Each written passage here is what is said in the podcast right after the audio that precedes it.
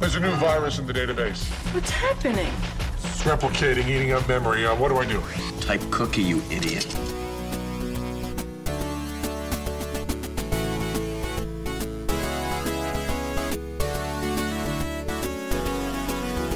Hei til alle Lolbua-lyttere. Vi har hatt hytteepisode og uh, pauseuke da pga. hytta. Vi har hatt uh, gjesteepisode der jeg måtte stå over, og Jostein fra Red Crew var med. Så det er det første normale episode nå i, uh, i Høst-Norge. For nå er det høst, Magnus Tellefsen. Det er det så absolutt. Nå er det ikke noe problem lenger med sollys inne i stua mens vi har sending med kamera. Det har vært ekstremt vått her på Østlandet de siste ukene. helt uken. vilt, Det har vært sånn at de har lagt sandsekker nede i kjelleren på Oslo S og sånn for å forhindre vann skal svømme over. Det var rett ved siden av der jeg bor, i Kvernebyen. Der var det jo var det, 14 kjellere som ble, eh, sånn bodkjellere som ble uh, oversvømma. Ja. Så der lå min brors eh, kunstsamling i en av bodene der, og det var da en av de tørre bodene. Så det var, det var fint. Ja, nei, det er hardt, eh, det er hardt med høst, men, eh, men dere i pressen koser dere, Lars. For da kan jo dere slå til med overskrifter som 'Ekstremværet herjer Norge' og 'Skalklukene' og diverse. ja, ja. Her i Harstad har det jo bare vært kongevær. Nå er det jo det er fremdeles sykt varmt, fint, det er sol, og høstfargene har kommet. Så det, september og august har jo vært de beste månedene, så ingen, trenger ikke de her grusomme overskriftene. Det er sånn skikkelig Indian summer, er det ikke det det kalles? I Nord-Norge kalles det vel en samisk sommer, når det er sånn sein, seinvarmt. Nå er du rasistisk igjen.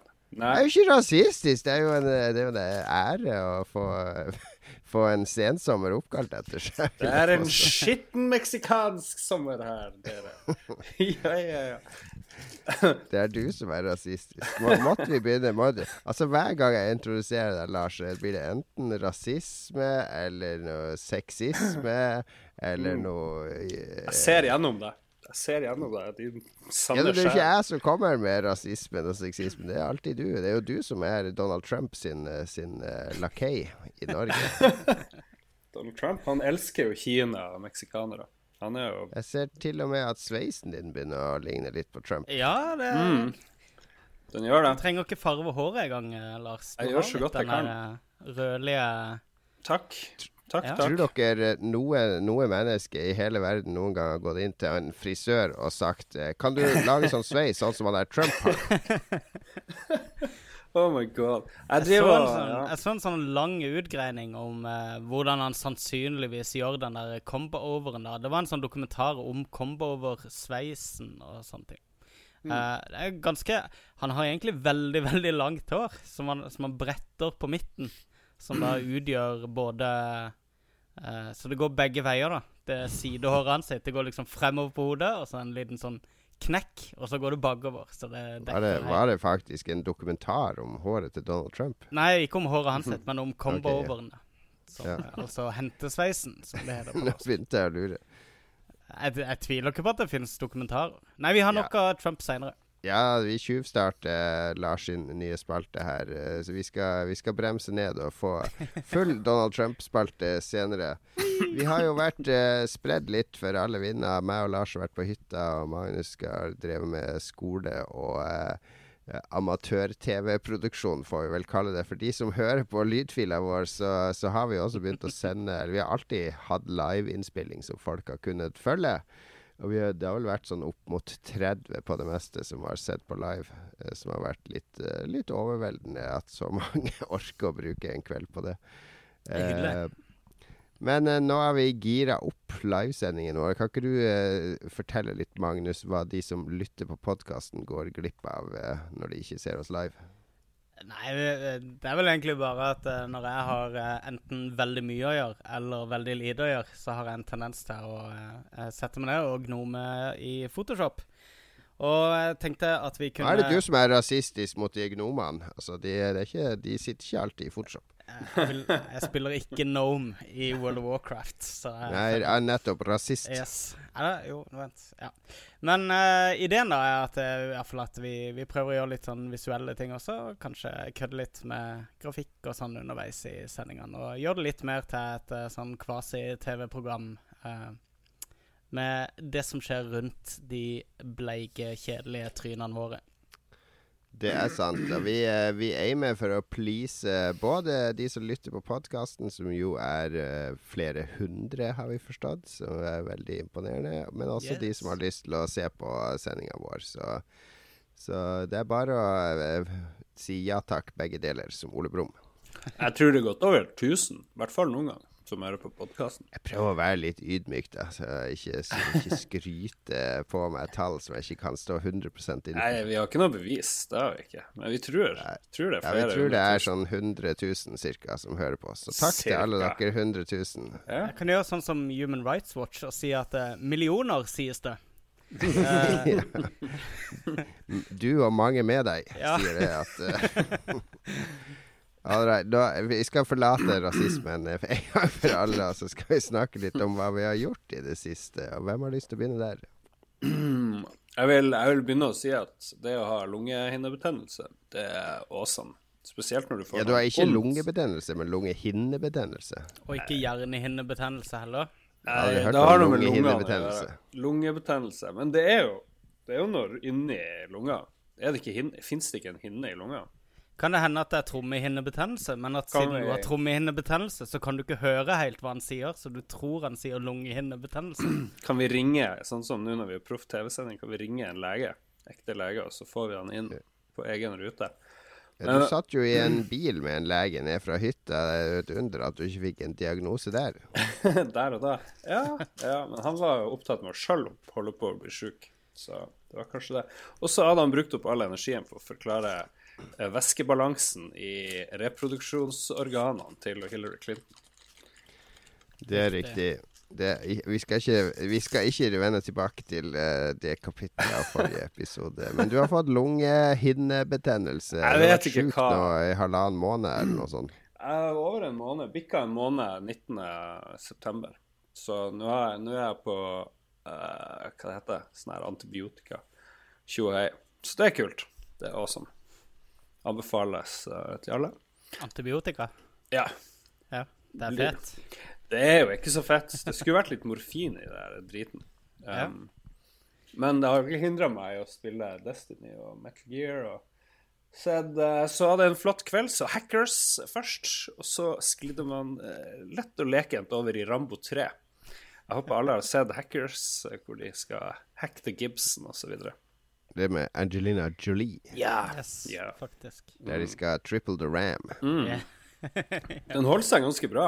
Og klærne ser bare enda rarere ut enn de gjorde sikkert på 90-tallet. Det er Er det ingen ikke før sånn, eller eh, siden Det er sånn sånn. wipeout-sekvens med i det spillet. Fordi jeg tror uh, PlayStation eller Psygnosis eller en eller annen var involvert der, så de fikk var sånn tidlig versjon av wipeout. Ja, med litt sånn litt annerledes enn vanlig Wipeout. Men det, var unektelig Wipeout, og det var helt konge. Men det er sykt mye bra musikk i den filmen. For nei, det ser ut som de har brukt hele soundtracket til Wipeout, egentlig. Så det Ja, jeg likte den.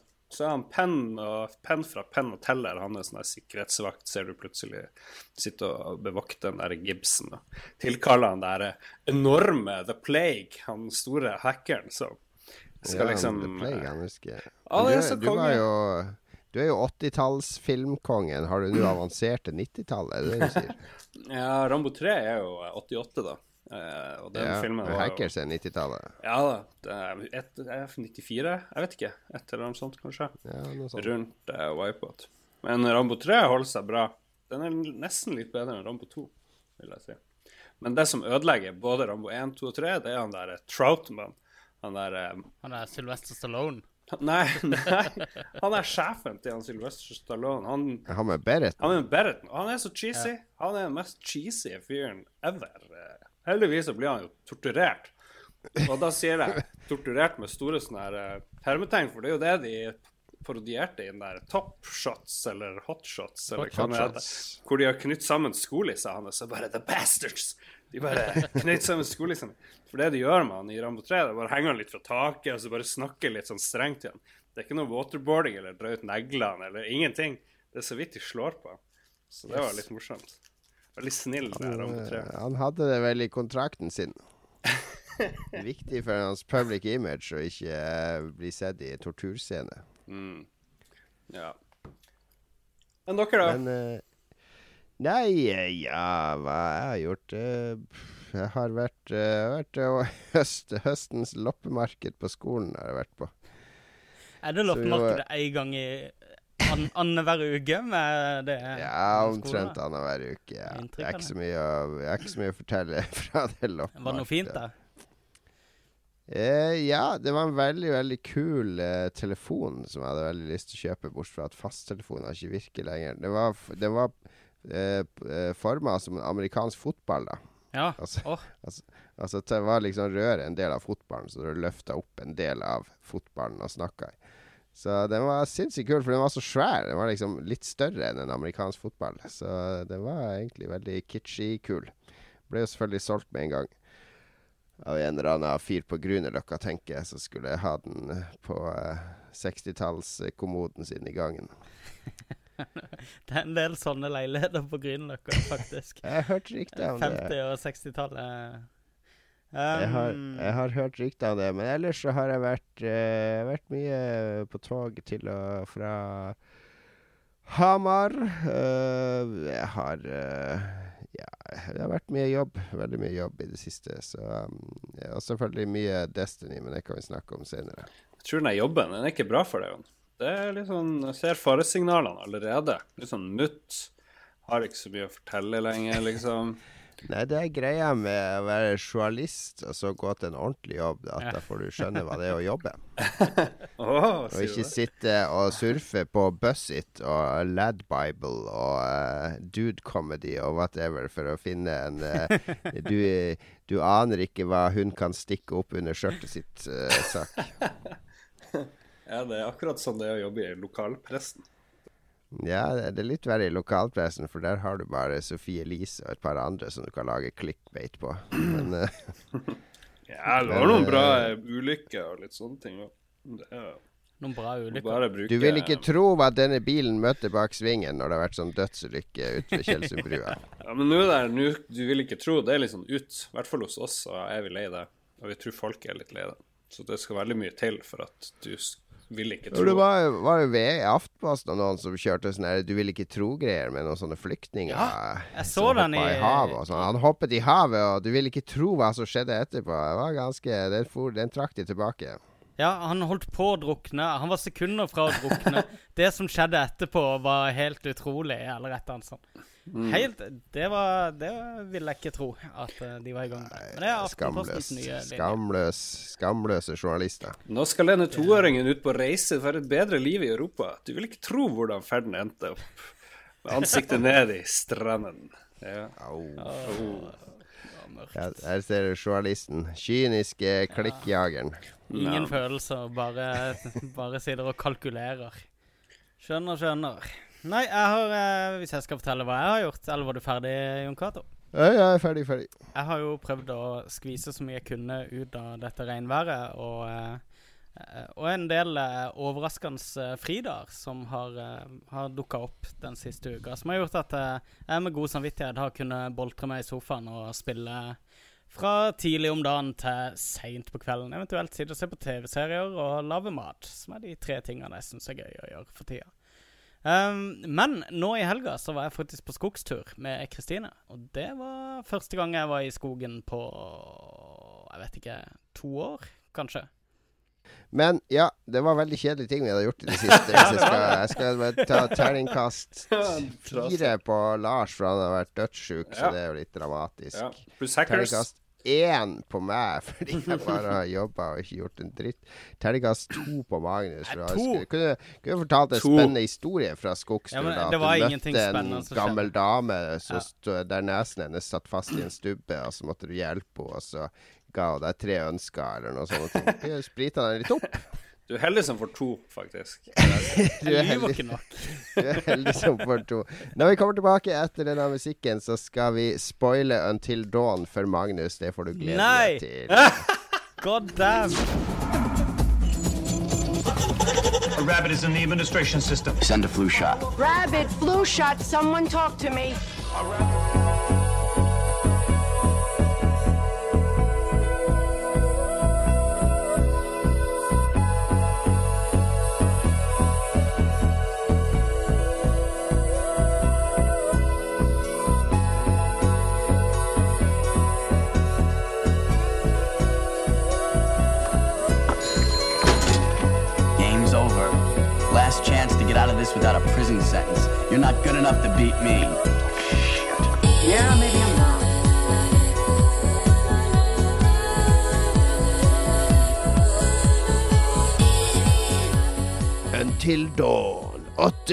ungdommer, én mord Nei da, vi skal ikke Det er en sånn uh, running joke de siste to ukene. Nå har jeg akkurat sittet og hørt på Magnus som sier at han har ingenting å gjøre, så han sitter hjemme og spiller spill og ser TV-serier hele dagen.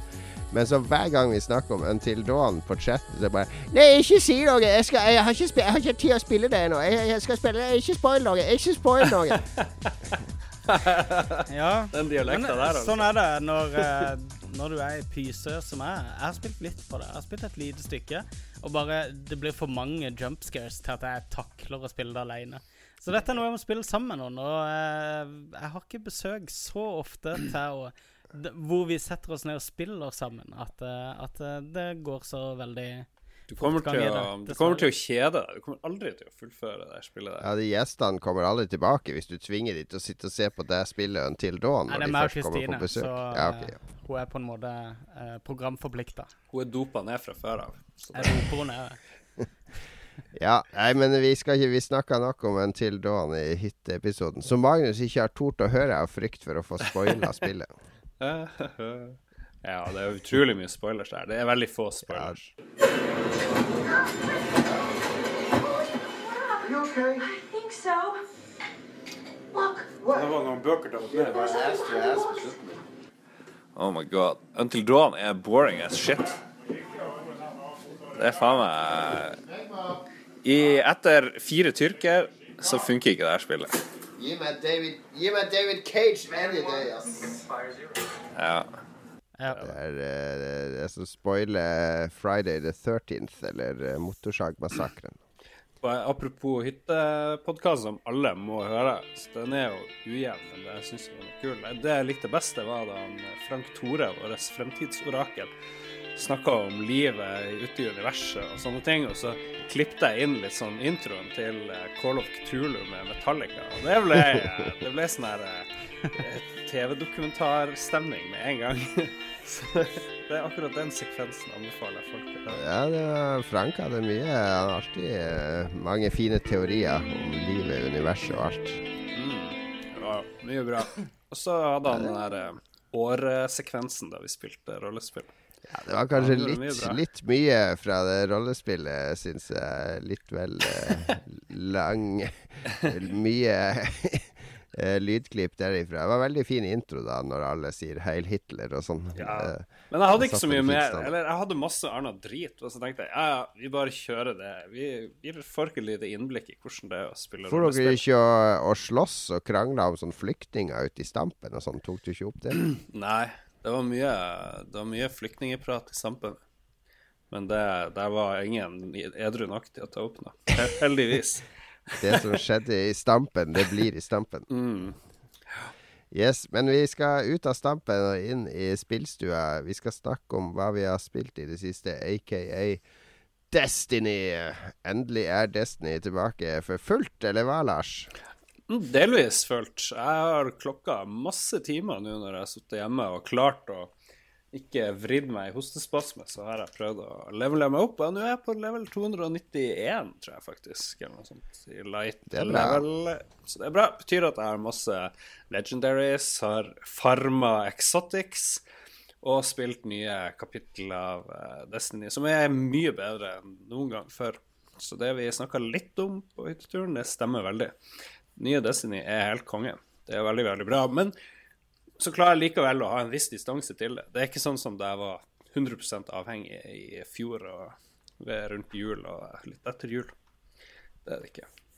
Nei, men nå er det jo ting å gjøre der i forhold til før. Fordi når du drev og var 100% avhengig, så var det å ta litt bounties. og gå på det samme reidet tre ganger i uka, og det andre reidet tre ganger i uka. Og ta noen strikes og bare fylle opp den Vanguard-greia. Sånn. det var- egentlig utrolig tynt. Nå er det mye mer sånn omfattende quests. Det er um, masse, masse å gjøre uansett hvor du snur og vender på det. Ja, men jeg kommer litt dit jeg var da jeg var lei av Destiny. Det var det når du innser at uansett hva du gjør, så skjer det ikke særlig mye, egentlig. Og selv om det er sinnssykt mye mer å gjøre nå i Destiny, så det er liksom ikke noe veldig annerledes, egentlig. Du har jo samme karen din, og du prøver å gå opp i level. Det er liksom Det er jo samme greia. Ja, det er eh, Jeg syns de nye fiendene er kule, og den uh, dreadnoughten er utrolig mye rart å oppdage i, og det, det koser meg. Ja da, det er litt ny mekanikk. Det er litt sånn usynlige ting som du bare kan se, eller du må memorisere hvor plattforma er, og så har du sånne rare nye fiender som er veldig kule. De er kjempe, kjempestilige. The Taken. Så har du sånne kister rundt omkring som er litt sånn mystisk, så du kan helt skjønne alt hva du skal gjøre fra starten. Så det er en del bra ting. Mye, mye nye ting. Og så har du fra Gunn, han som selger pistoler i Ja, er Tower. sånn våpenprøver hos Gunsmithen, og så har du noe sånn der eh, Hos kryptarken får du noe sånne greier å etterforske, og Eh, Ja, nei, det er uh, en ny klasse. Underklasse har det kommet til hver. Det beste er jo nesten han Nathan Fillion, han som, sånn, han som gir de fleste nye oppdragene. Han der er fra han var med i Buffy? Hvor han var med igjen før i tida? Han? Som nå spiller i den der eh, Castle. Og så var han med i Firefly og Jo, han, han fra pizzagjengen. Er det han du mener? Ja, var han med i Pizzagjengen? Ja, han var typen til hun eh, dama i pizzagjengen. Ja, det har du rett i.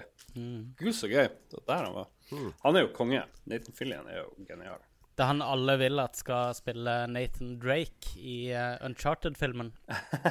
Det har vært eh, masse underskriftskampanjer for det og masse sånne. der.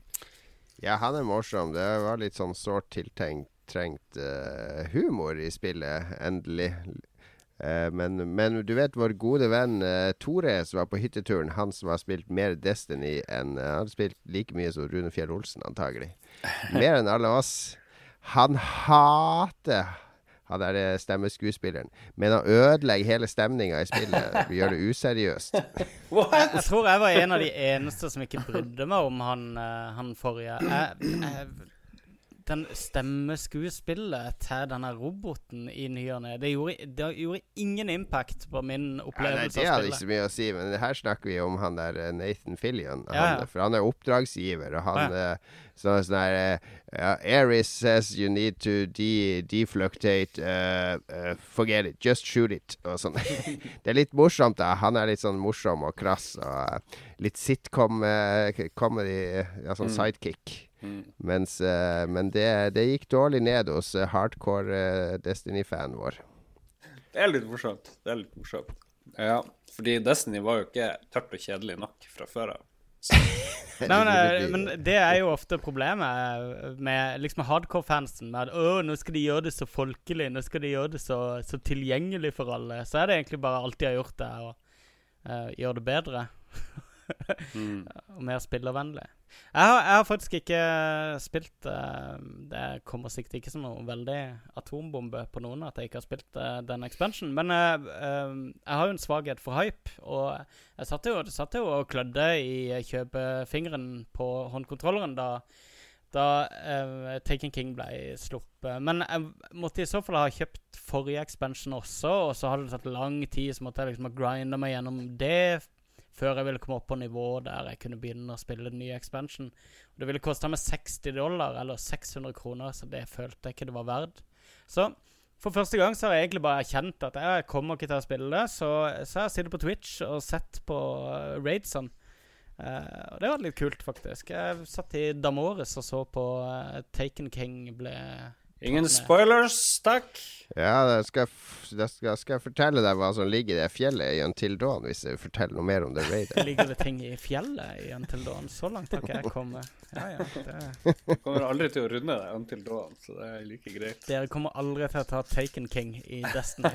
Ja, han skal ned til helga. Det kan godt hende. Jeg bare tuller. jeg bare tuller Jeg har faktisk, som den hipsteren jeg er, så har jeg spilt uh, Madmax, som ikke kommer nå. så, uh, mens alle andre har spilt Destiny. Um, det er òg et sånt spill som er sånn skal, skal ikke, skal, skal ikke, skal, skal ikke. Det er altså. basert på Eller det er ikke basert på filmen, det er bare basert på universet. Nei, ja, eller det er jo Max fra filmen. Jo, men det er ingen uh, sånn Hun der uh, Furiosa Imperia, eller hva hun heter. Noen av karakterene fra filmen er jo ikke med. Jeg så filmen på kino. Jeg husker ikke veldig mye av den nå, men uh, var det ikke en som heter Pink Eye der? Jeg lurer på om det, de blander sammen. Og det der Gastown, det er jo en greie Gastown var med, ja. Ja, og målet er jo å komme seg til Gastown i uh, Madmax, da. I hvert fall Nettopp. der jeg er i spillet. Um, det er helt fabelaktig. Jeg er så overraska over hvor bra det er. Um, et spill som foregår Et postapokalyptisk spill satt til en ørken er egentlig en sånn her Det er en sånn marerittscenario for meg. Det høres dritkjedelig ut. Men de har klart å juice det ordentlig opp. Dødsfete karakterer du dukker, som dukker opp underveis. Og hovedpersonen Altså, du Det er jo et rollespill i den forstand at du, du bygger deg opp og blir sterkere, men det er mest fokus på å gjøre bilen sterkere og bilen raskere og mer sånn her kampstridsdyktig og sånne ting. da Så jeg, jeg føler de har tatt veldig mye av den riktige essensen fra Madmax-filen. da At det, det er liksom maskinene som er i fokus. Og så er det liksom akkurat nok sånn survival-spill i det til at eh, At det er interessant, men det er ikke så mye at du hele tida løper rundt og ser etter vann og ressurser og sånne ting. Eh, men du må ha bensin i bilen, og du må drikke vann for å få liv. um, når du har fått juling. Utover det er det samme fighting som i Batman, cirka. Oh, eh, ja, og det, der har du eh, elitisten Jon Cato som har spilt et annet spill som det er vanskelig å slåss i, og derfor er alt annet dritt. Eh, nei, det fungerer dritbra. Du har veldig fett fiender. eh, eh, du, du må ofte slåss inn på ganske små plasser mot ganske mange. Så du må ta i bruk en del omgivelser for å klare fightene. Som eller, em, bensinkanner du kan sette fyr på og kaste på. Og, em, Men spillet er rasistisk mot feite, for det var det jo i filmen òg. Du sier det er mye feite fiender, og han der eh, ondingen feite, i ikke eh, feite. Ja, nettopp. Feit. Og ondingen i filmen var jo kjempesvær, mens alle de fine damene, kjempetynne, og han uh, Mel Gibson, eller han der eh, helten, kjempetynn. Syns du ikke de feite damene var pene? Du er litt rasistisk mot feite damer nå, eh, Lars. Var det feite damer der også? Jeg husker bare de Jeg tror tynne. Men eh, nei, ingen, eh, ingen eh, korpulente uh, characters uh, så langt i spillet. Men jeg tviler ikke på at de vil dukke opp etter hvert. Mye rare fasonger på, på figurene som dukker opp. Men Mm. overraskende kult spill, og en, en veldig fet verden å befinne seg i. De, du har Hæ? Feit verden. Ja, ja. Eh, veldig korpulent verden. Men eh, merker du at det er fra Just Cause-folkene? Ja, og det er jo greia. Jeg, jeg syns Just Cause-spillerne er helt sånn De er sånn tomme for meg. Jeg, jeg, Ja, jeg er mister kjedelige, interessen er etter en time eller to. Ja. Eh, her så er det veldig annerledes, altså. Det, det, de har tatt det aller beste fra Just Cause og satt det inn i Og virkelig tenkt igjennom åssen du bruker disse elementene til å, til å uh, forsterke følelsen av det Mad Max-universet. da.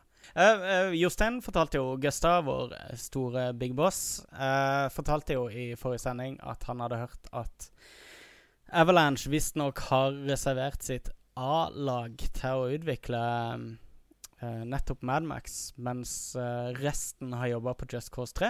Som gjør at det blir kanskje litt ekstra spennende å se om Just Cause 3 lever opp til den enorme hypen det av en eller annen grunn har hos uh, fansen av serien. Ja, jeg hørte også noe rykter om at det som egentlig var Avalanche, det er nå Starbreeze, og det som var ja, det masse sånn migrasjon mellom svenske utviklere de siste årene. Ja, riktig. Starbreeze, eh, som lagde Darkness, eh, de er veldig kule, syns jeg. Ja, jeg vet sånn ikke. Jeg- Jeg er svensker. De seiler sin egen eh, sjø. Den kalles Østersjøen. Der tar de ferja til Tallinn og setter Estonia på hodet hver helg. Er. Sånn er det med Sverige.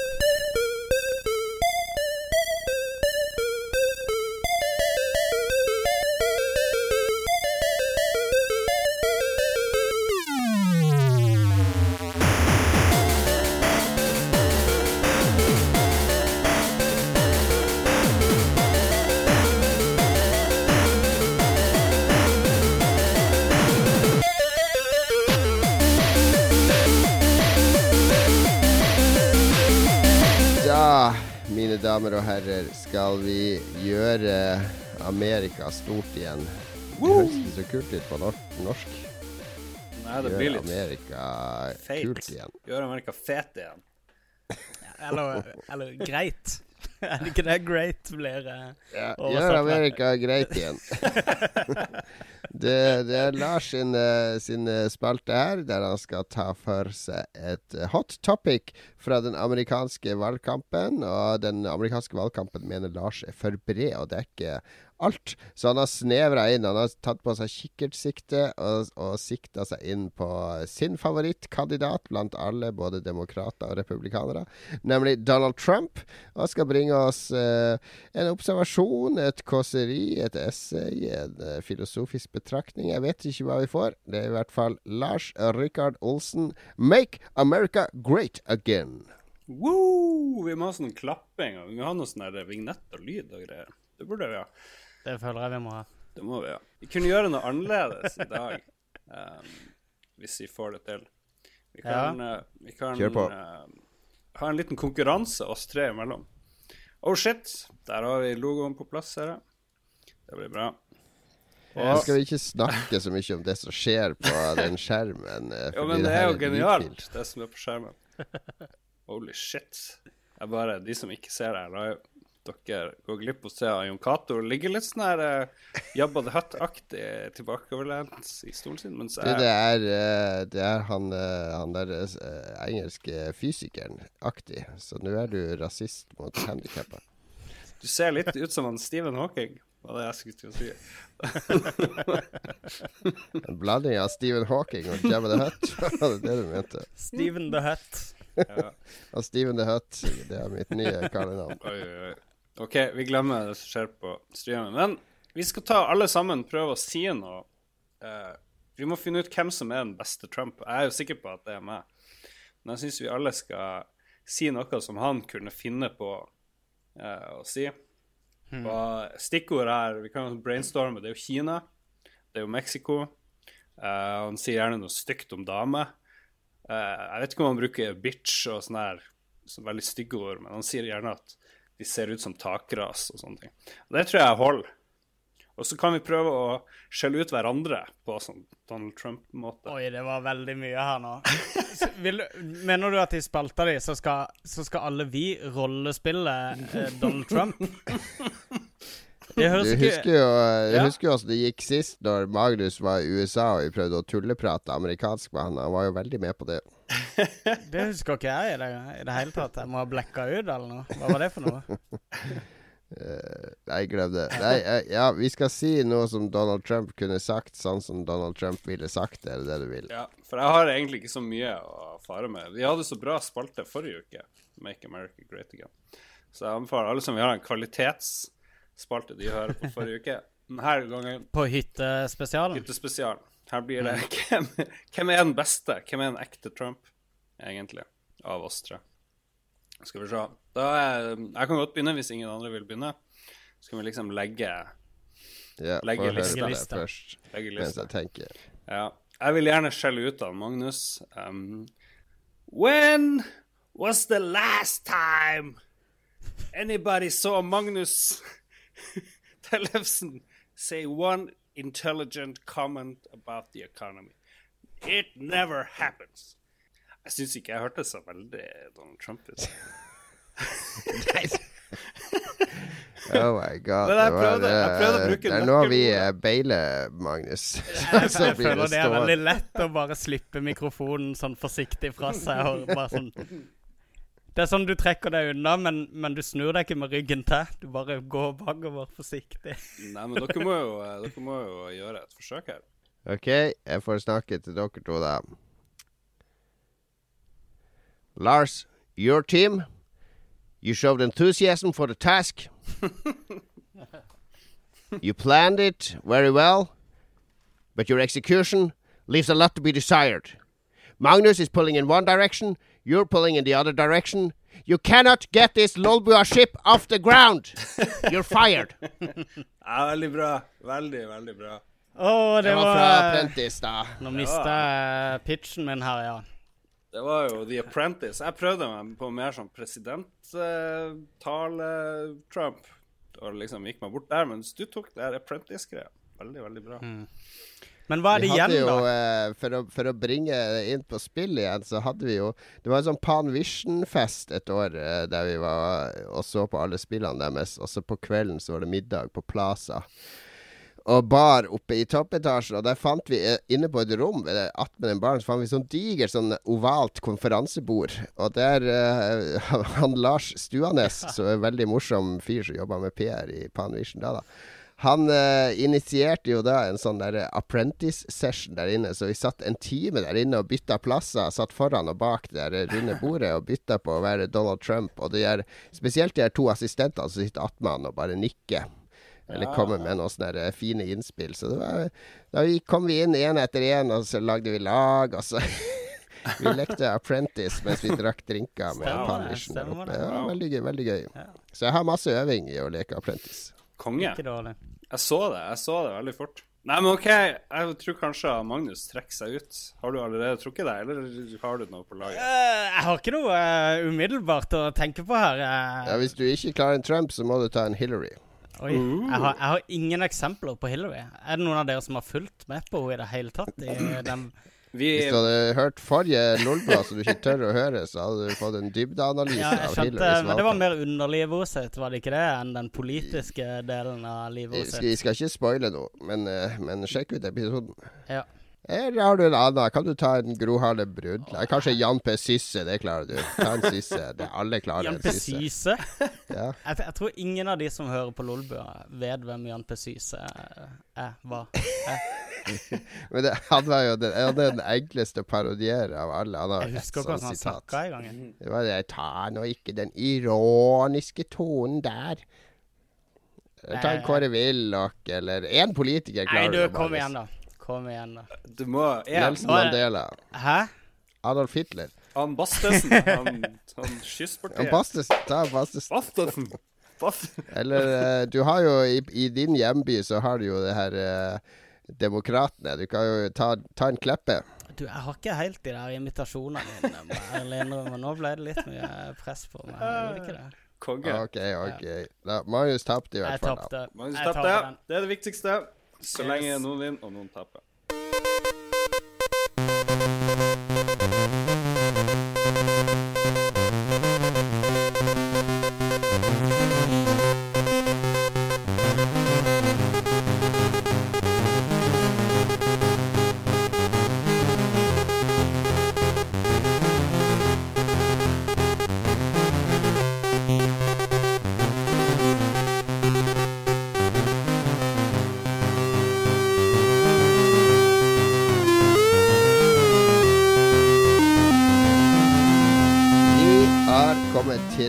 Spalte, som hva er det det står her? Den beste spilleren i universet, Heartstone.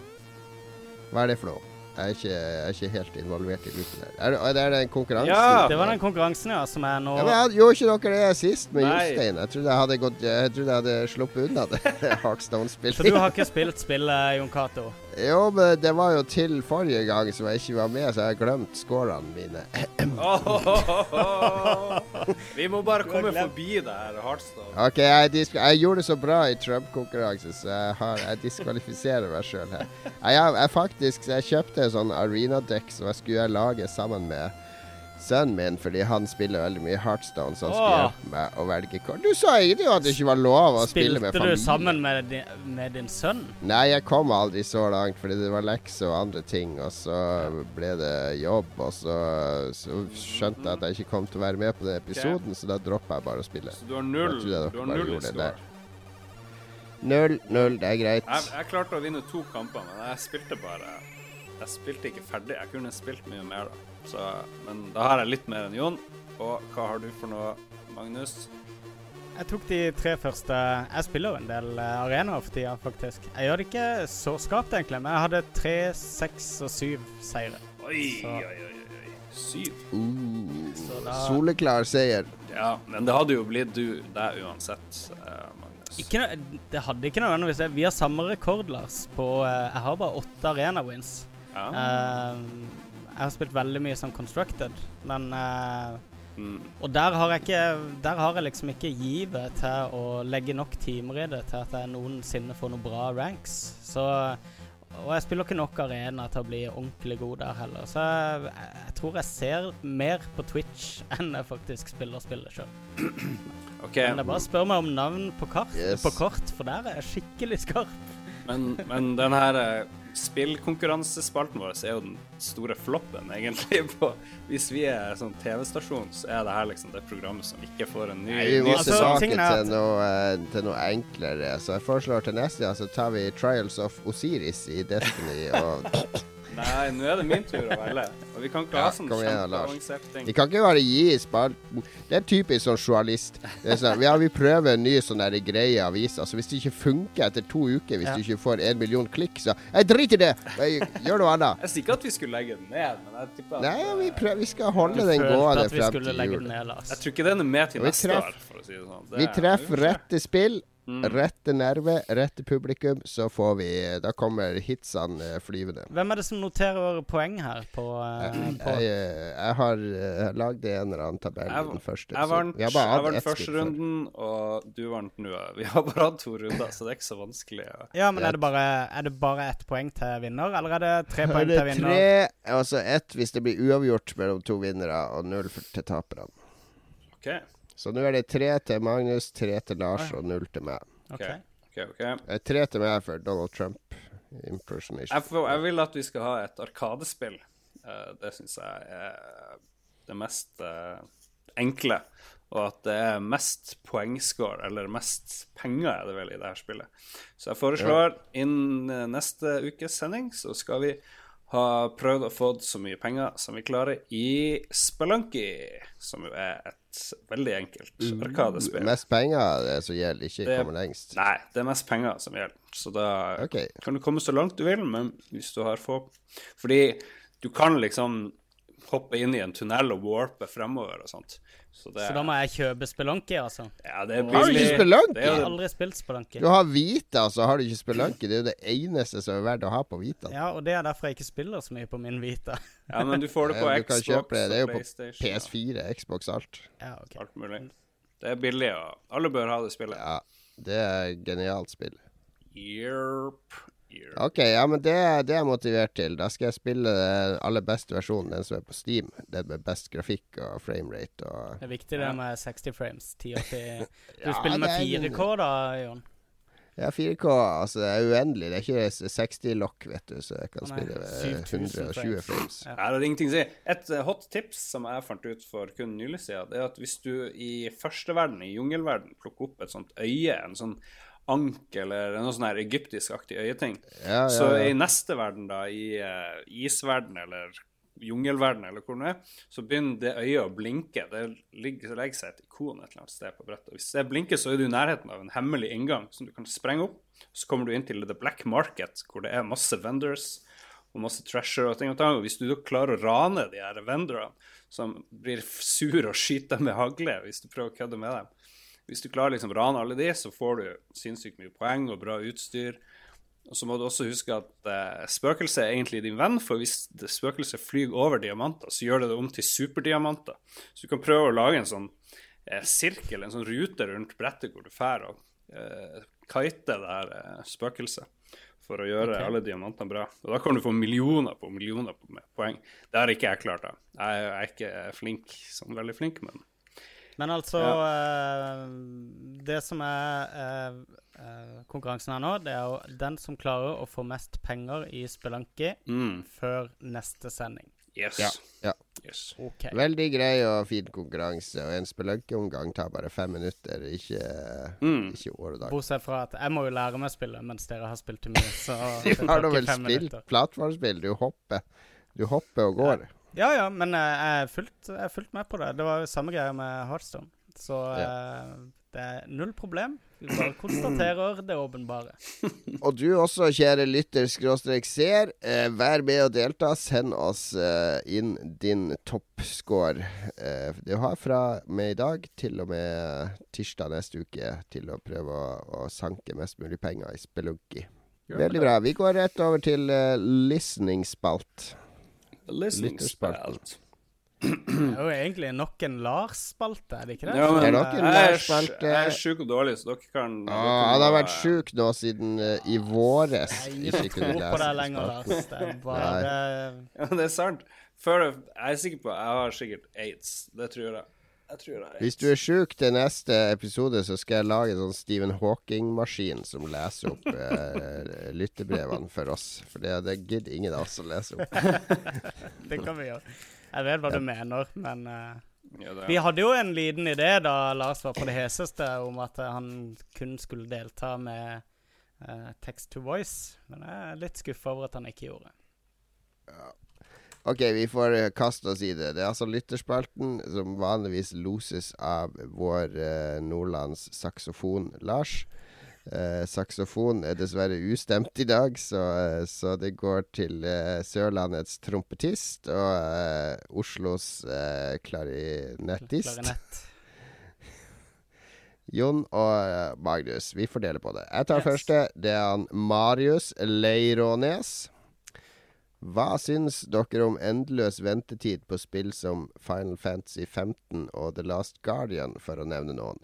Kjenner ikke lenger at det gledes over de nevnte titlene. Nei, jeg ser poenget. Um, noen titler som for det første tar veldig lang tid å utvikle, men som markedsavdelinga likevel sørger for å liksom hele tida spe på med med sånn påminnelser om at dette spillet er liksom Det er i utvikling, det er i utvikling, det er i utvikling. Når det begynner å gå sånn seks-syv år, så, så er liksom brodden knekt av permanent for min del. Jeg slutter å, slutter å glede meg, rett og slett. Um, ja, Du var jo like tent på Duke Nukem Forever uh, uka før det skulle komme, som du var i 99, var du ikke det? Jeg husker jeg så eh, videoen i eh, Var det 99 eller 2000 den traileren kom? Ja, det husker jeg ikke. Det var, det var til og med så gammelt at, at den ble distribuert på sånn coverdisk med PC-gamer eller noe sånt. Ja. Men den, den holdt meg supergira på det spillet i sikkert et par år, kanskje tre år. For det lå så langt foran det vi noensinne hadde sett. Men etter hvert så ble det jo bare sånn Ja ja, du Knukum, hø-hø-hø. Og det- vi hadde samme Hva var det? Gran Turismo Var det fem? Som aldri Nei, fire. Som bare kom en Ja. prolog som aldri kom. Ja, jeg husker for så vidt det. Ja. Men jeg har Jeg, jeg, det ikke, jeg ofrer ikke Final Fantasy 15 og Last Guardian en eneste tanke, merker jeg. Men Last. Guardian du må, Last Guardian ble det jo snakk om ganske kort tid etter Shadow Colossus. Og Shadow Colossus hadde jo Det var ganske mye vind i seilene til Team Aiko etter det spillet der. Jo da, jeg, jeg syns det er kjempespennende når noen annonserer et nytt spill. Mm. Eh, sånn som når han eh, Megaman-skaperen annonserte et nytt spill på Xbox One Ja. på etere og sånne ting. Det syns jeg er spennende. Men så eh, da, Jeg trenger egentlig bare annonseringa. Jeg trenger ikke fem år med trailere og dryppfeed før det kommer. Fordi etter annonseringa så slår jeg egentlig av. Da har jeg det i bakhodet. Ok, det kommer noe som han lager.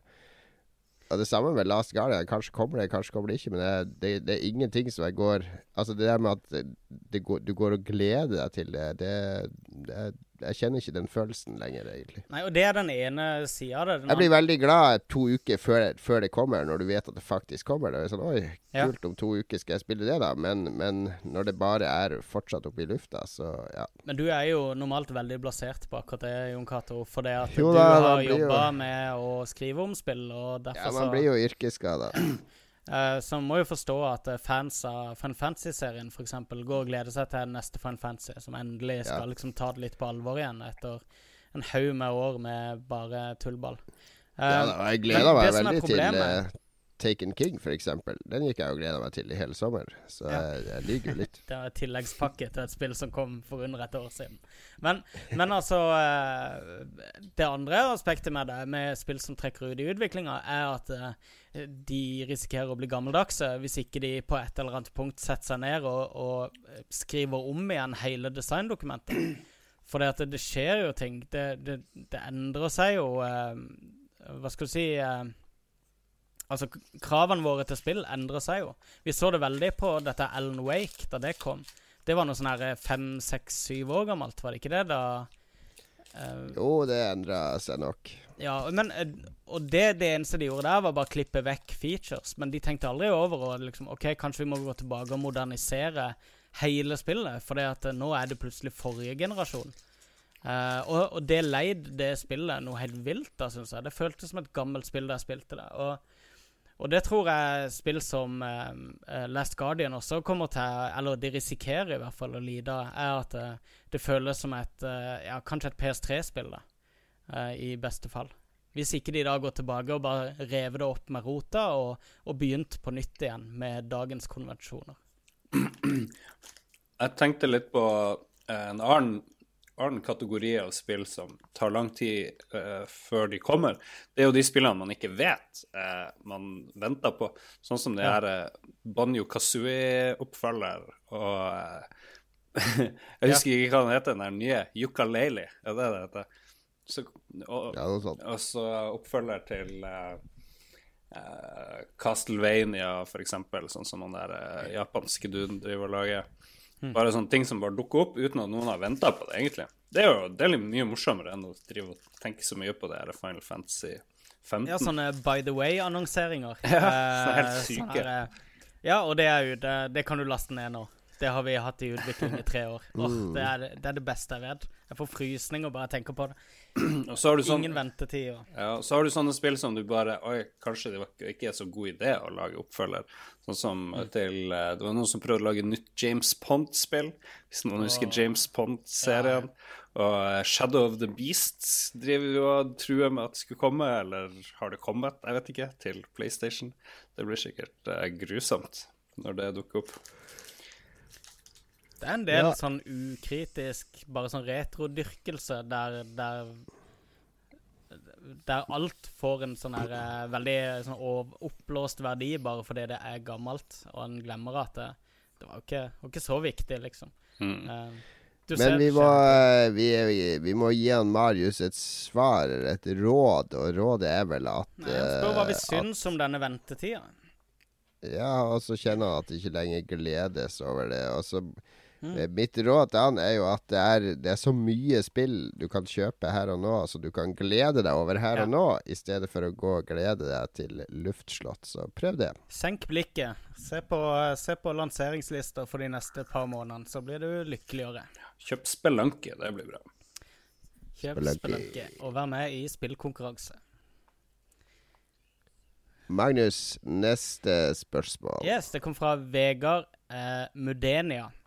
Nå sa jeg det riktig, tror jeg, Jon Cato. Det er din venn, du har møtt han. Han har jeg møtt på uh, retrospillmesse. Helt korrekt. Så han ut som en eh, Så han ut som Jeg bare jeg har, Du vet også det når du bare har hørt navnet på noen. Mm. Allikevel så lager hodet ditt et sånt bilde basert på assosiasjoner du har med fornavn og etternavn og sånt. Så jeg har et bilde av Vegard Mudenia. Jeg skal ikke si hvordan han ser ut, det er mitt private bilde. Men åssen så han ut, Magnus? Eh, altså, han var ikke nagen, som i ditt private bilde. Og, Ah, det var men eh, han var fullt påkledd. Men eh, Mm. nei, eh, kjekk ung mann. Hyggelig kar. Så Hadde han eh, skjegg uh, briller?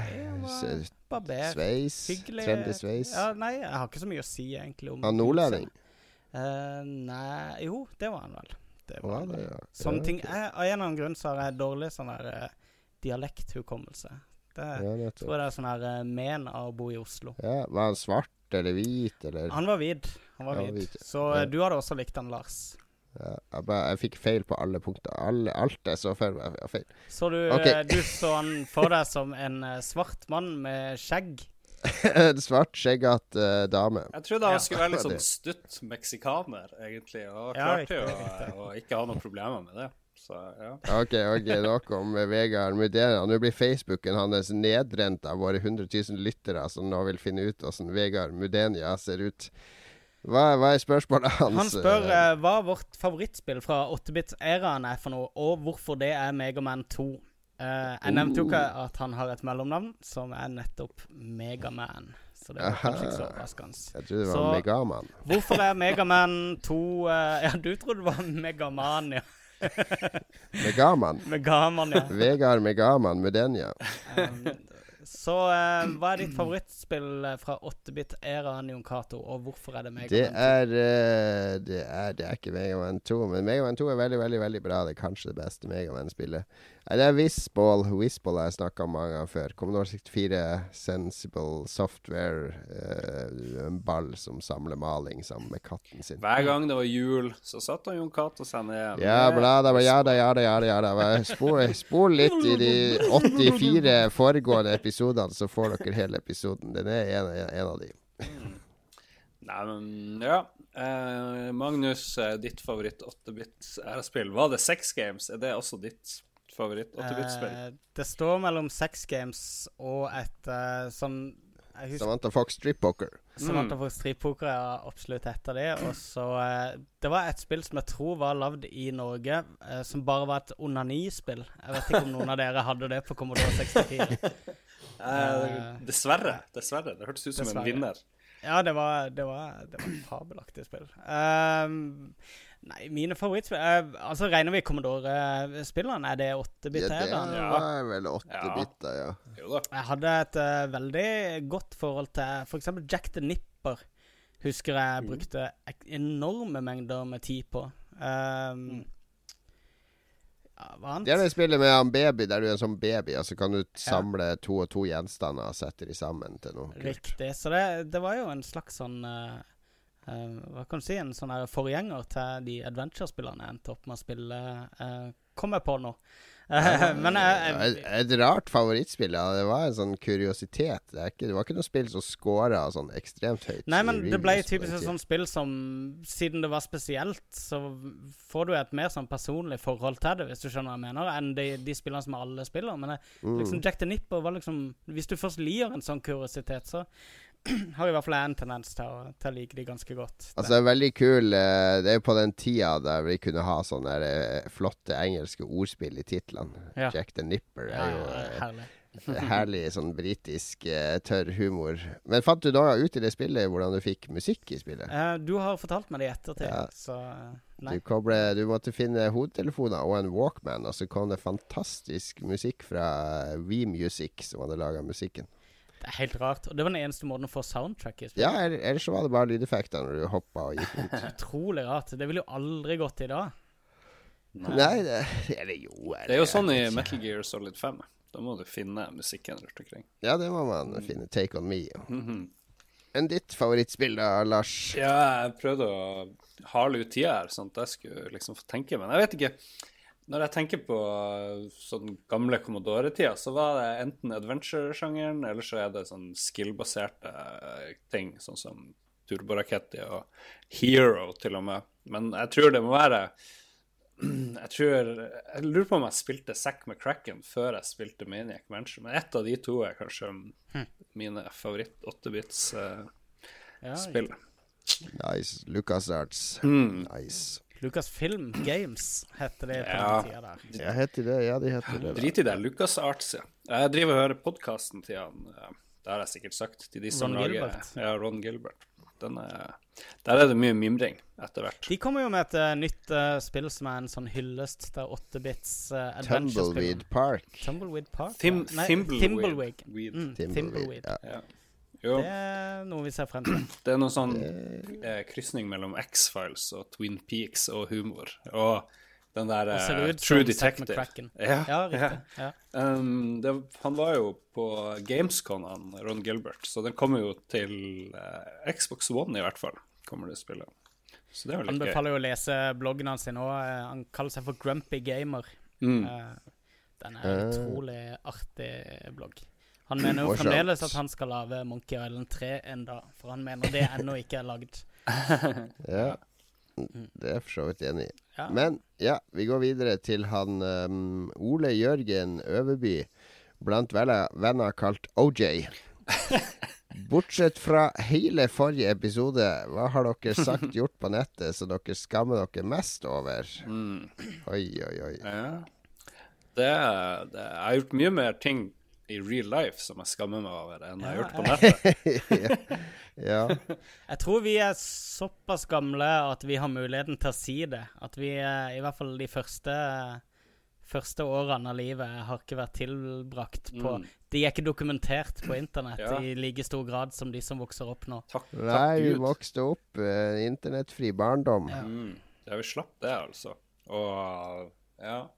Nei, faen heller. Det, det Men i sånn moderne tid, jeg vet ikke. Det Ja. Har du mer Du, du har jo noe hver dag, Lars, når du publiserer den avisen, som du skammer deg over. Så det Som du burde skamme deg over, i hvert fall. Så, uh, nei, men det var mer sånn Jeg, jeg, jeg ringte og gjorde teite ting på telefon. Det var jo mye sånn teknologiflaue ting. Sendte tekstmelding til mora til ei dame jeg var i lag med, som egentlig skulle gått til dama jeg var i lag med. Det er sånn som, Oh. det er sånn som kunne skjedd på nett i dag, da, men det skjedde heller på, på sånn det er litt lada meldinger. Ja, det var litt sånn eh, Det var ikke bra, for å si det sånn. Det var spicy. Det var spicy. Da ble det noe på deg og mora da òg. Jeg sendte, jeg sendte melding til min mor her forleden, som var til Kristine. Um, og den var helt uskyldig. Oh. Og uh, jeg pusta ut i sikkert i ei uke før jeg, før jeg liksom slutta frenetisk å, å sjekke OK, hvem sender jeg denne tekstmeldinga til nå? Det er yeah. Jeg vet ikke, jeg har egentlig ikke gjort noe. Jeg- Noen gang, når jeg, eller i mine litt yngre dager, når jeg har vært ute og kom hjem eh, drita full, og så satt jeg på et eller annet forum, og så var det en eller annen fyr som skrev noe dumt, og så skrev jeg sånn svar til han. Men da hadde jeg alltid en sånn der, sånn der uh, refleks i meg som gjorde at jeg satt liksom og så og leste over posten min mens jeg pusta. Holdt det for det ene øyet. For å lese. Og ja, og satt og sjangla litt i stolen, svimmel av all alkohol, med musa over send-knappen. Ja. Og så ble det alltid til at jeg valgte For jeg, en, en liten stemme inni hjernen sa sånn her Hvis jeg trykker på send nå, så vet du kommer til å gå og legge deg, og så våkner du kaldsvett om sånn seks timer bare Å nei, nå har 100 karer hevet seg på for å forsvare han. Kanskje skrev han noe dumt, kanskje gjorde han noe feil. Og så må jeg opp sånn her skikkelig bakfull og dårlig for å sjekke den tråden for å se om han har svart. Så jeg endte alltid opp med å trykke på cancel i stedet for å sende, og det har jeg aldri angra på at er jeg kansellerte. Jeg hadde um, et uh, tilfelle. Da jobba vi sammen med Jon Cato. Da husker jeg jeg våkna på morgenen. Uh, fikk melding med deg uh, av det. sånn her Hva driver du med? Hva er galt med det? Jeg sletta hele kommentarfeltet. Jeg, vi skal ikke si nøyaktig hvilken publikasjon eller hvilken sak det var snakk om, men det er den eneste gangen jeg har latt meg hisse opp av et troll. Um, der det var en som basically bare satt og, og jeg, jeg hadde akkurat kommet hjem fra en veldig lang reise. Var super jetlagga. Og eh, la dødsmye arbeid inn i en del saker jeg la ut. Og så la jeg ut en kjempelang sak eh, med masse forarbeid. Der jeg bare fikk beskjed om, i kommentarfeltet om at jeg tør vedde på det ikke var det viktigste fra den turen. Og jeg tør vedde på det ikke skjedde. Og bare sådde tvil om absolutt alt. Og, og da var jeg Han, han traff meg et sånn svakt øyeblikk, altså. Der jeg bare hissa meg totalt opp og bare gikk til sånn kjempefrontalangrep på en stakkars uh, lytter eller leser som Ja, det ble veldig stygt, og eh, det var flere i kommentarfeltet sånn «Øh, Kanskje du burde roe deg ned, og dette er ikke noe fint, og sånn. Det, det er sånn jeg faktisk tenker på ennå. Det der eh, Ja, det var, det var ikke helt profesjonelt. Men det var bra at du og han karen, han eh, Lars Rikard, ble venner til slutt. da. Ja da, nå er vi jo i podkast sammen, så Så det gikk jo bra. En Men jeg, jeg sendte han en mail på morgenen og, og sa liksom sorry, jeg var super jetlagga, jeg var bare overarbeida og stressa, beklager. Og det er my bad, og så sletter vi alle kommentarer. Så det ordna seg, men jeg, jeg går fremdeles, og jeg slipper ikke så veldig lett på sånne småfeil som det der. Så, Ja, så den en sitter i. Ja, det var En skikkelig real lærepenge. All right. Neste, Magnus. Yes, skal vi se her. Da er vi hos Pablo pluss Petit Pingvinus. Ehm, er ditch av VR til Among the Sleep Jon Catos første store CEO-beslutning? Er planen å lage et skikkelig VR-spill fra scratch, eller har Krillbite et annet fokus for fremtida? Oi, oi, oi. Ja, Lars, kanskje du kan svare på det? Jeg vet ikke hva, På det nåværende tidspunkt uh, så utelukker vi ingenting uh, her i Krillbite. Og med Ja, nei, jeg vet ikke. jeg er for dårlig til Han CEO. tar du jo ordene rett, han tar ordene rett ut av munnen min. Ja.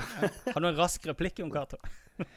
Eh, nei, det er ikke min første store beslutning. Det er ikke min beslutning heller, da. Vi hadde Det er jo det er, det er et styre som, som legger retningslinjer og sånn, så det er, det er et ledd av en større, i en større plan. Så du er ikke chief executive eh, officer? Nei, men Eh, det er, er chief har jobba med the. Sleep. Among the Sleep Chief taking eh, orders officer.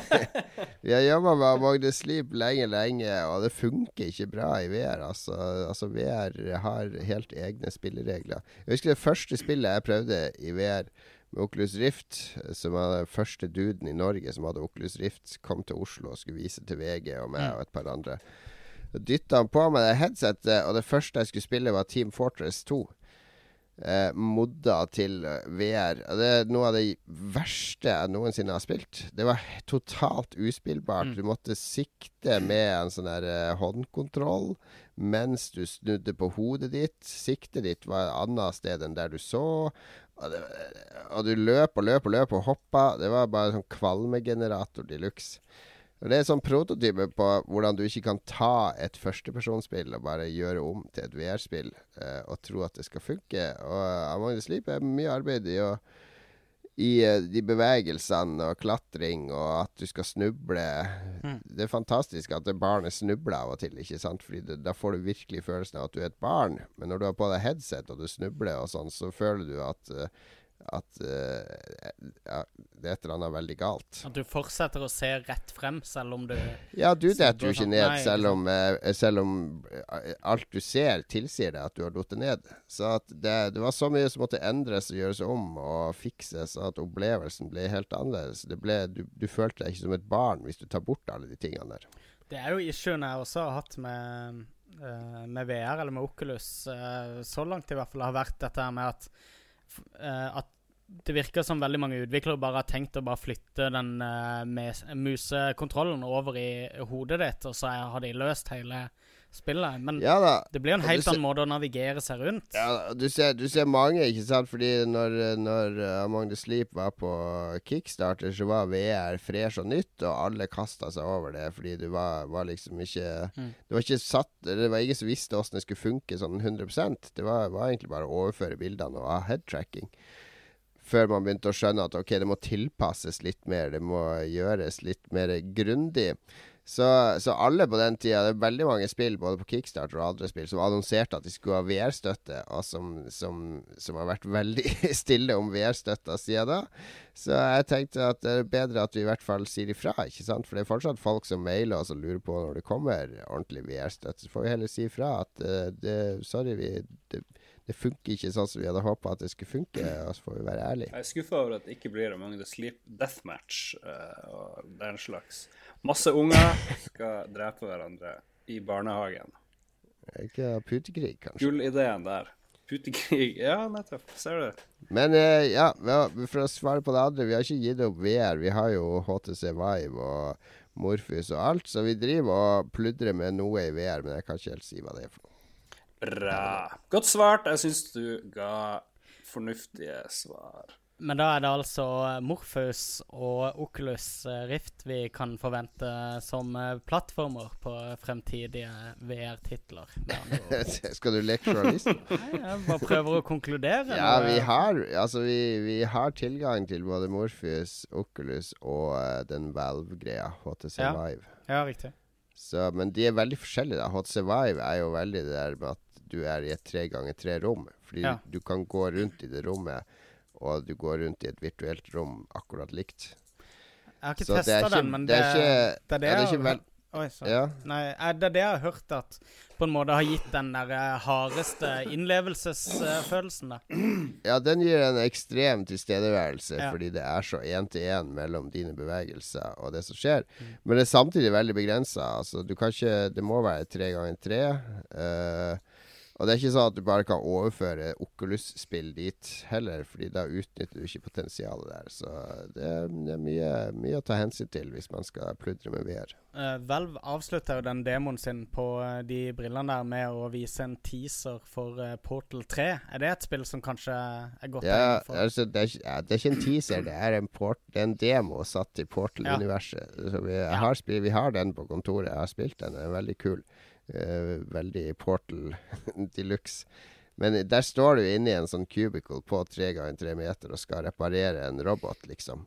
Uh, som kommer inn, og du har masse verktøy og må gå i skuff og hente ting. Og, og du har den der robotstemmen som snakker til deg hele tida på en syrlig, sarkastisk måte. Det er utrolig kult. Hm, fett. Skal vi ta neste spørsmål, da, Jon? Ja, Øystein Reinertsen. Hoi! Long time listener, first time caller. Det er hyggelig, da. Det er hyggelig når de kommer ut av lytterskallet sitt og, og føler for å si noe. Med mindre de skal kjefte på oss. Det vet vi ikke. Hei, Øystein. Jeg skal til London snart. Jeg går ut fra det er den engelske hovedstaden og ikke puben i Ikke Oslo. utestedet. Nei. Og lurte på om dere kjenner til om det eksisterer noen gode spillbutikker der à la GameZone i Kristiansand eller lignende, og ikke de sedvanlige kjedebutikkene. Eventuelt andre spillrelaterte hendelser som kan oppleves der, mottas med takk. Siste jeg gjorde noe spillrelatert i London, eh, som var veldig kult, det var da jeg var på sånn språkreise eller et eller annet på 90-tallet og tidlig 90-tall. Da var det jo sånne gigantiske spillehaller over hele England. Det var helt Sega World var dritsvær før. Mm. Og nå er det vel ingenting, liksom. Jeg husker det var sånne svære greier. Du kunne sette deg foran en sånn gigantisk skjerm, og så fly sånn eh, 3D on rails-skyteting. Star Wars-aktig. Det var, det var tøft. Men uh, Sega World ja. var vel den største spillehallen, tror jeg, i London. Ja, det var var sikkert Den var tre eller fire etasjer Mm. stor. Og eh, jeg var der i 2004, og da var det Det var litt sånn som eh, Galleriet. Hvis noen har vært i Oslo på Galleriet, et dødt kjøpesenter, så var det litt den følelsen å være der. Det var liksom noen ungdomsgjenger og en del spilleautomater fra sånn eh, 1997. Og det var ikke Det var skikkelig falleferdig. Jeg regner med det er borte nå. Helt sikkert. Uh, jeg tror det er uh, Det er stengt nå, ja. Jeg husker én butikk som ligger på Oxford Street. Nå har jeg, Dette her er syv-åtte år siden, så det er mulig den er borte nå. Som var dritbra på sånn spill, merch og sånne ting. De, eller ikke bare spill, men alt av sånn her eh, Type sånn Avalon, eh, Outland-type butikk, men mer fokus på Ikke så mye på selve spillene, men på leketøy og, og ting som var spillrelatert. Um, jeg har en eh, sånn Futurama-figur som du kan se helt øverst i hjørnet. Faktisk ser en opp på kameraet her. Um, av Nibler fra Futurama, som jeg kjøpte der. Um, det var en dritkul butikk. Veldig sånn, den har veldig sånn gamezone som du tenker på i Kristiansand. Veldig den følelsen, da. Eller som Oslo-folk kjenner som Spiderman. da. Ja, nettopp. Ja. Um, utover det, så jeg tror ikke spillbutikker Det er stort sett Nå er vel Game nedlagt der, så det er vel stort sett GameStop og Ja, men de, det må finnes noe bra bruktgreier som har litt sånn gamle ting.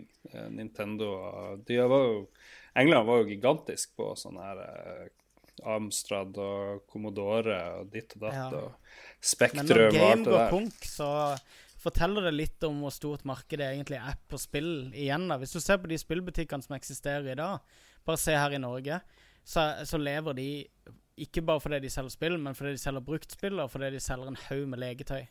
Uh, den eneste måten å tjene penger på, og bruktspill er på vei bort. Så Uh, lykke til med å finne spillbutikk. Si gjerne ifra hvis du finner noe kult i London. Uh, jeg er veldig hypp på å reise til London igjen snart, og hvis det er en fet butikk der, så stikker jeg garantert innom og kikker.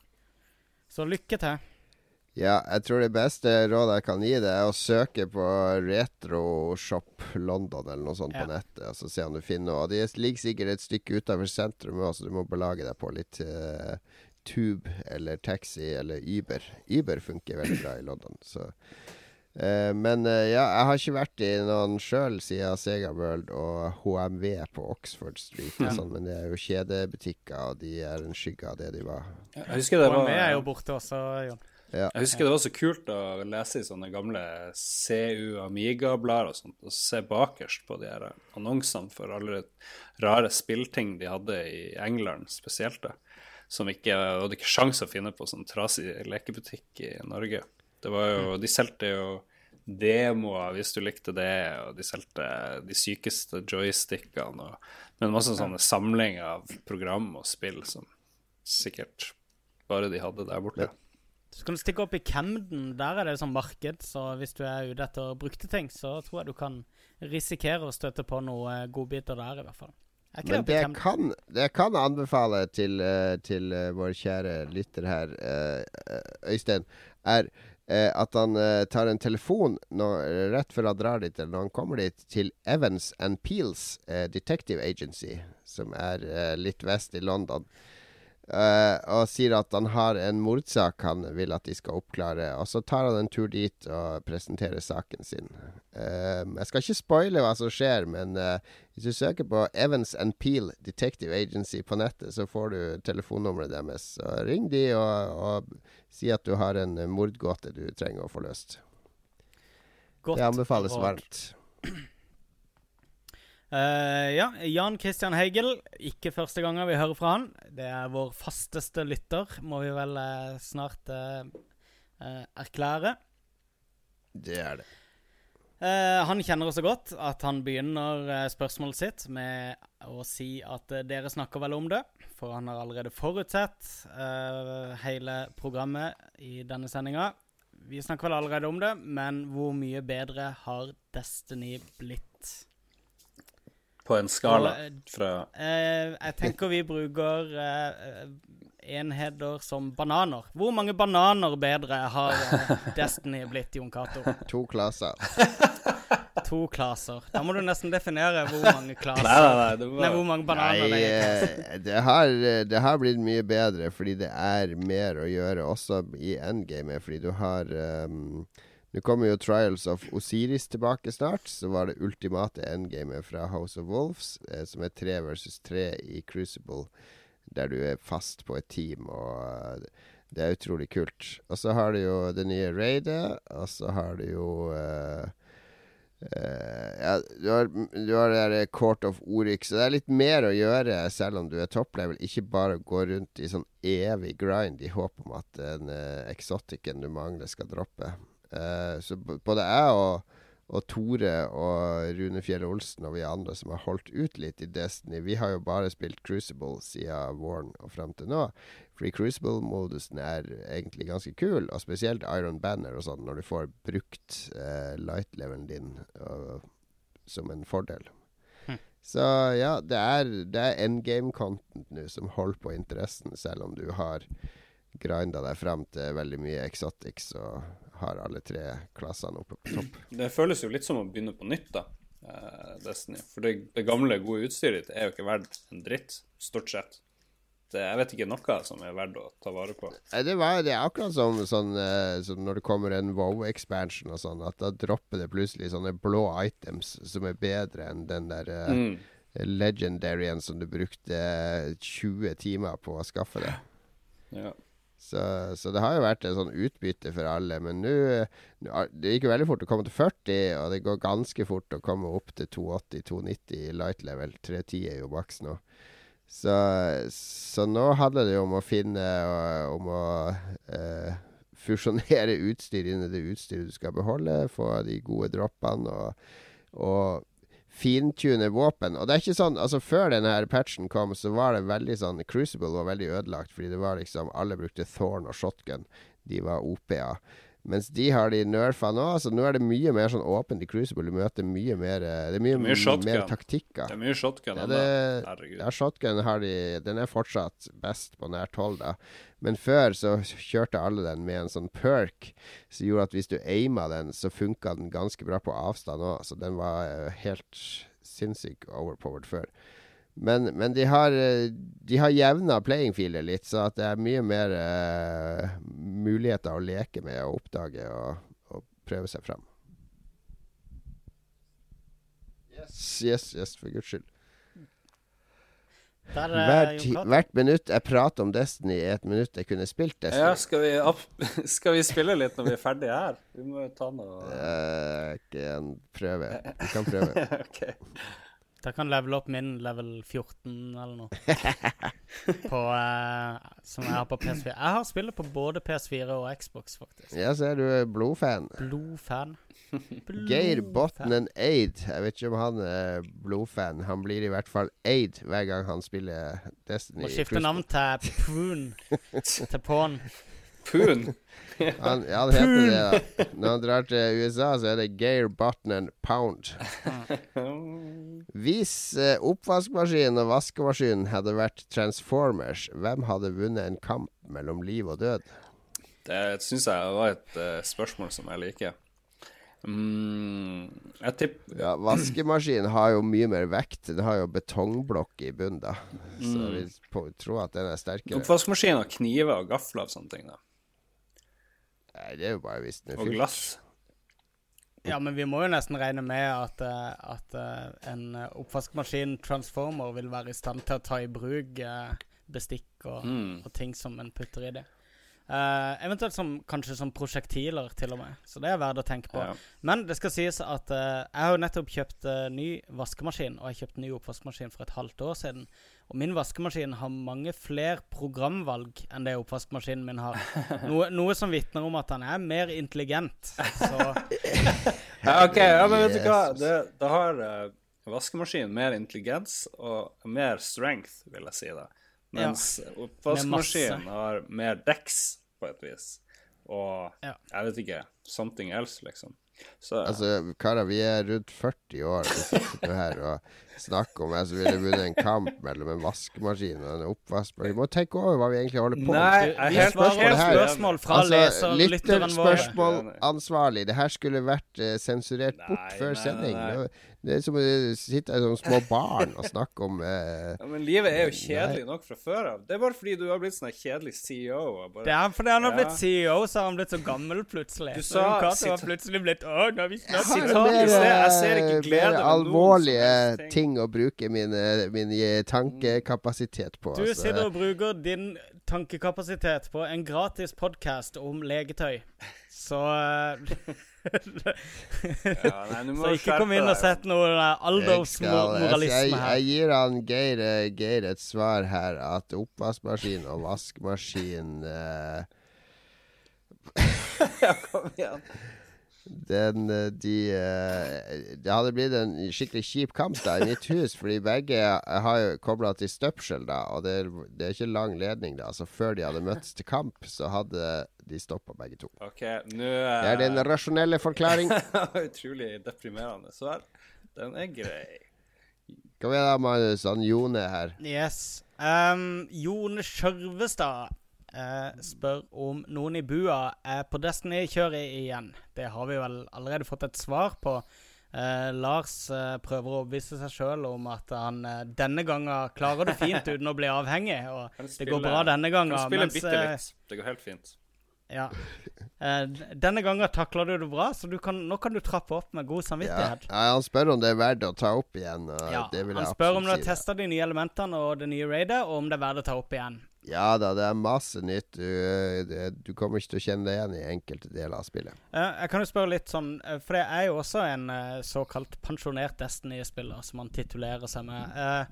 Og jeg kjøpte ikke første Nei, forrige expansion. Jeg spilte faktisk ikke gjennom expansion før det engang. Så hvor lang tid tar det før jeg eventuelt kan sette tennene i det som anses for bra innhold? For de forrige expansionsene har ikke fått så veldig bra mottagelse. Så hvor lenge er det det blir gøy for meg å spille? Som en level 29, kan det stemme? Er du level 29 nå? Jeg tror det. Ja, du, du tar deg fem timer å gå fra 29 til 40, så det, det er ikke noe stress. Det, du pø, du håver inn XB Men er det ikke en ny måte å levele på nå? Fordi du leveler med gear i, før, og nå leveler du med XP, gjør du ikke det? Jo, du leveler med XB opp til 40, og så handler det om å få opp light-levelen, og den eh, får du ved å få nytt utstyr. Alt utstyr gir deg bidrar. Men hvis jeg har en utstyrslevel på 29, vil det si at jeg begynner på level 1 igjen nå? XP-messig? og derfor Nei, nei, nei, nei, nei. Du går fort opp til level 40. Okay. Og når du kommer til level 40, så handler det bare om å få bedre utstyr. Og det får du jevnt og trutt av å spille, uansett hva du gjør. Fordi der det før du fikk ett sånn dropp i timen, der du fikk en grønn eller blå engram, så regner det engrams nå hvis du drar på Drar på et strike, så har du med deg fem engrams hjem til kryptarken, og da går du opp et par light levels og sånn. Så det, det er veldig sånn gavmild progresjon nå. Så det er inflasjon på drops, med andre ord. Nei da, jeg Ja, skal ikke være så, jeg skal ikke være så negativt innstilt. Men, men altså, eh, etter fem timers spilling så vil jeg i hvert fall kunne sette i gang med, med den nyeste expansionen, er det du sier? Ja, ja, ja. Ja. Det, det er ikke noe problem. Nei, det er Altså, det, det er jo sammenlignet det med Det er mange som har sammenligna det med Borderlands, og det har jo du har gjort, der du får stuff hele tida. Det er blitt mer sånn nå, da, at du får stuff hele tida. Ja, men jeg føler Borderlands går litt mer Diablo-veien, mens uh... Ja, det tar det ikke helt ut. Sånn som på, jeg blir bare stressa i Borderlands og Diablo fordi jeg får så mye nytt hele tida at jeg rekker jo ikke å knytte meg til det jeg bruker, før jeg skal kaste det og bruke noe bedre. Nei, Så- men det er jo litt sånn de funker, de spiller, Men jeg er enig med deg. Det er litt Jo da, men. Destiny er eh, Det er ikke så Før var det sånn at du gikk med samme utstyr en uke før du endelig fikk noe nytt og bedre. Mens nå er det sånn hver Ja, du, du bytter ut ganske jevnlig oppover mot 290. Jeg kjenner liksom eh, For jeg likte jo Destiny. Jeg spilte det jo kjempemye i begynnelsen. ehm, og jeg kjenner Jo, jeg savner kanskje litt gameplayet, men jeg syns det ble veldig fort veldig likt, da. Men eh, det er egentlig det der Det var liksom meg og to andre. Vi møttes ganske jevnlig og spilte sammen i eh, ute i de seine nattetimer ganske, ganske mange ganger i uka. Og akkurat det der, det der med å møtes og spille sammen eh, eh, på faste dager og sånne ting, det savner jeg litt, kjenner jeg, fra, uh, fra Ja, jeg, Destiny-tida. spiller, jeg spiller det jo aldri alene. Jeg spiller jo med Knut og Tore og de andre. Ja, riktig. Så, men ja. Hmm. Uh, ja. Det Jon Cato skal lese litt om hva o right. Ole har å si. eh, Olel. Olel. Litt seint til stream, forresten. Men har dere spilt Super Mario Maker? Spillet har jo vært sykt stort på Twitch den siste uka. Nostalgi pluss brukerskapte levels. Jeg har ikke spilt det. Jeg spilte masse, lager masse leveler til ungene. Ungene sitter og ser på når jeg lager leveler. Jeg putter feller oppi spørsmålstegn, og de bare oh, 'Den skal vi ikke ta, må huske hvor den er', og sånn. Og jeg fikser på levelene og Jeg laga masse morsomme leveler til de, da. Han er bare seks år, da, så han vil ikke ha så vanskelig. Men eh, det er vanskelig nok for han. Men det er utrolig morsomt og enkelt å lage leveler i det. Det er noe helt annet enn Little Big Planet, der det tar en dag å lage et 20 sekunders brett som fungerer. Her tar det fem minutter å lage et to minutters langt brett. Så jeg digger det. Supert. Fantastisk. Det var veldig entusiastisk eh, hyllest til Mario Maker. Uh, over til meg, faktisk. Ja, jeg har et spørsmål. Ehm, og det stiller jeg på vegne av eh, Eirik Berntsen. Leste jeg det opp riktig? Det gjorde jeg. Eirik Berntsen. Ja. Han har et fråga, som han sier, på breialt svensk. Uh, Heroes of Might and Magic 7 kommer ut nå i slutten av september. Er Noen av dere som har et forhold til den serien?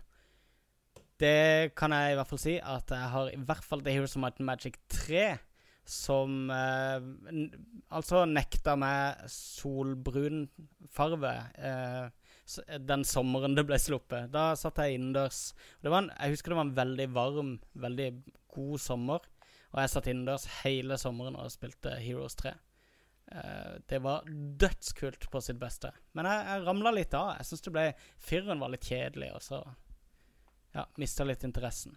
Men eh, absolutt en kul serie. Ja treeren var vel høydepunktet, tror jeg. Toeren og treeren. Ja. Mm, Hvilket år snakker vi nå, da? Det er jo hundgammelt, er det ikke det? Ja, 90-tallet en eller annen gang.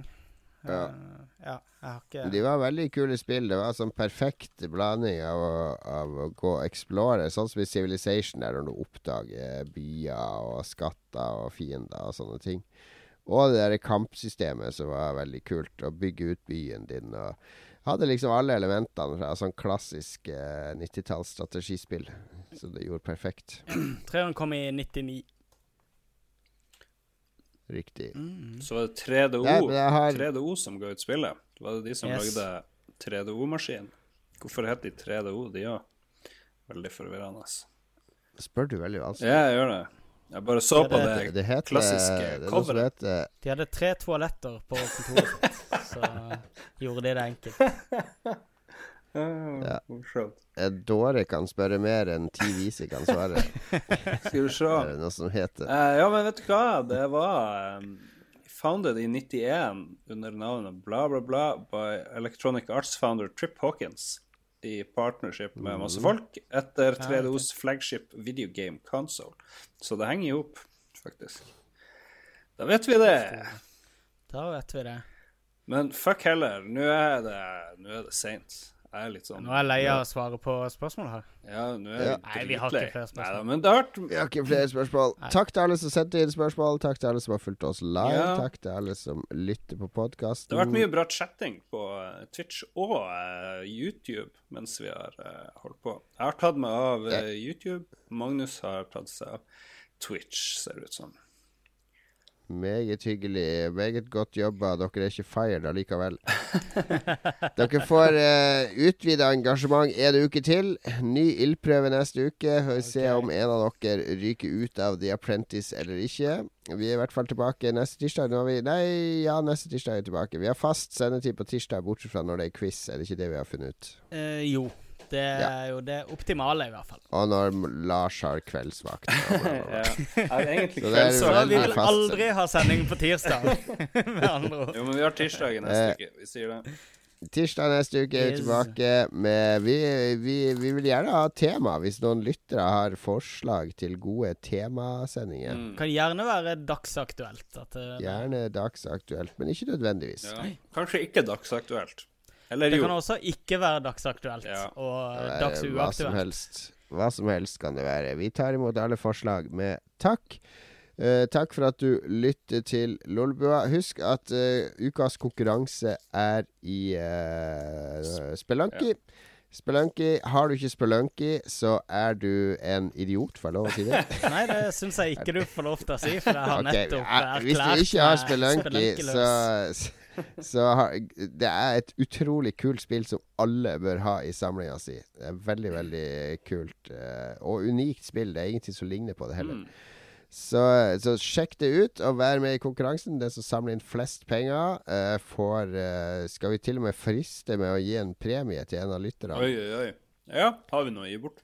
Har du noe Jeg, jeg, jeg skal skaffe noe å gi bort. Signert bilde av oss tre, eller et eller annet. Ja. Ramma inn. Nei da. Premie til den lytteren som får mest penger i Spelunky til neste sending. For prototypen av Among the Sleep til eh, Oculus Rift Hysj nå. blir bra. Hysj nå.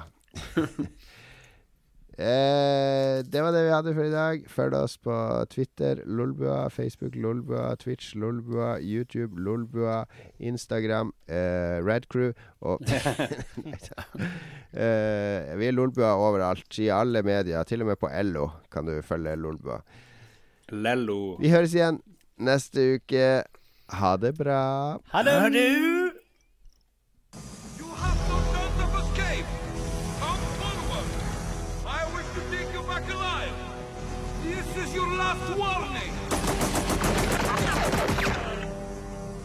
Choice is yours! What do you say, John?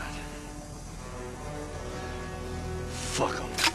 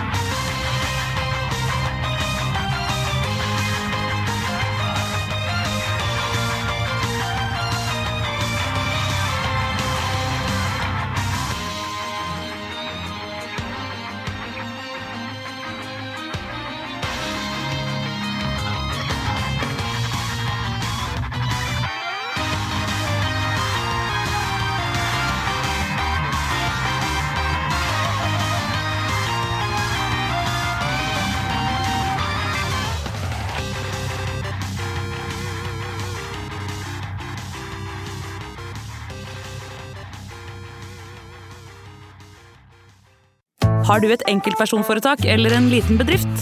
Da er du sikkert lei av å høre meg snakke om hvor enkelt det er med kvitteringer og bilag i fiken, så vi eh, gir oss her, vi. Fordi vi liker enkelt. Fiken superenkelt regnskap.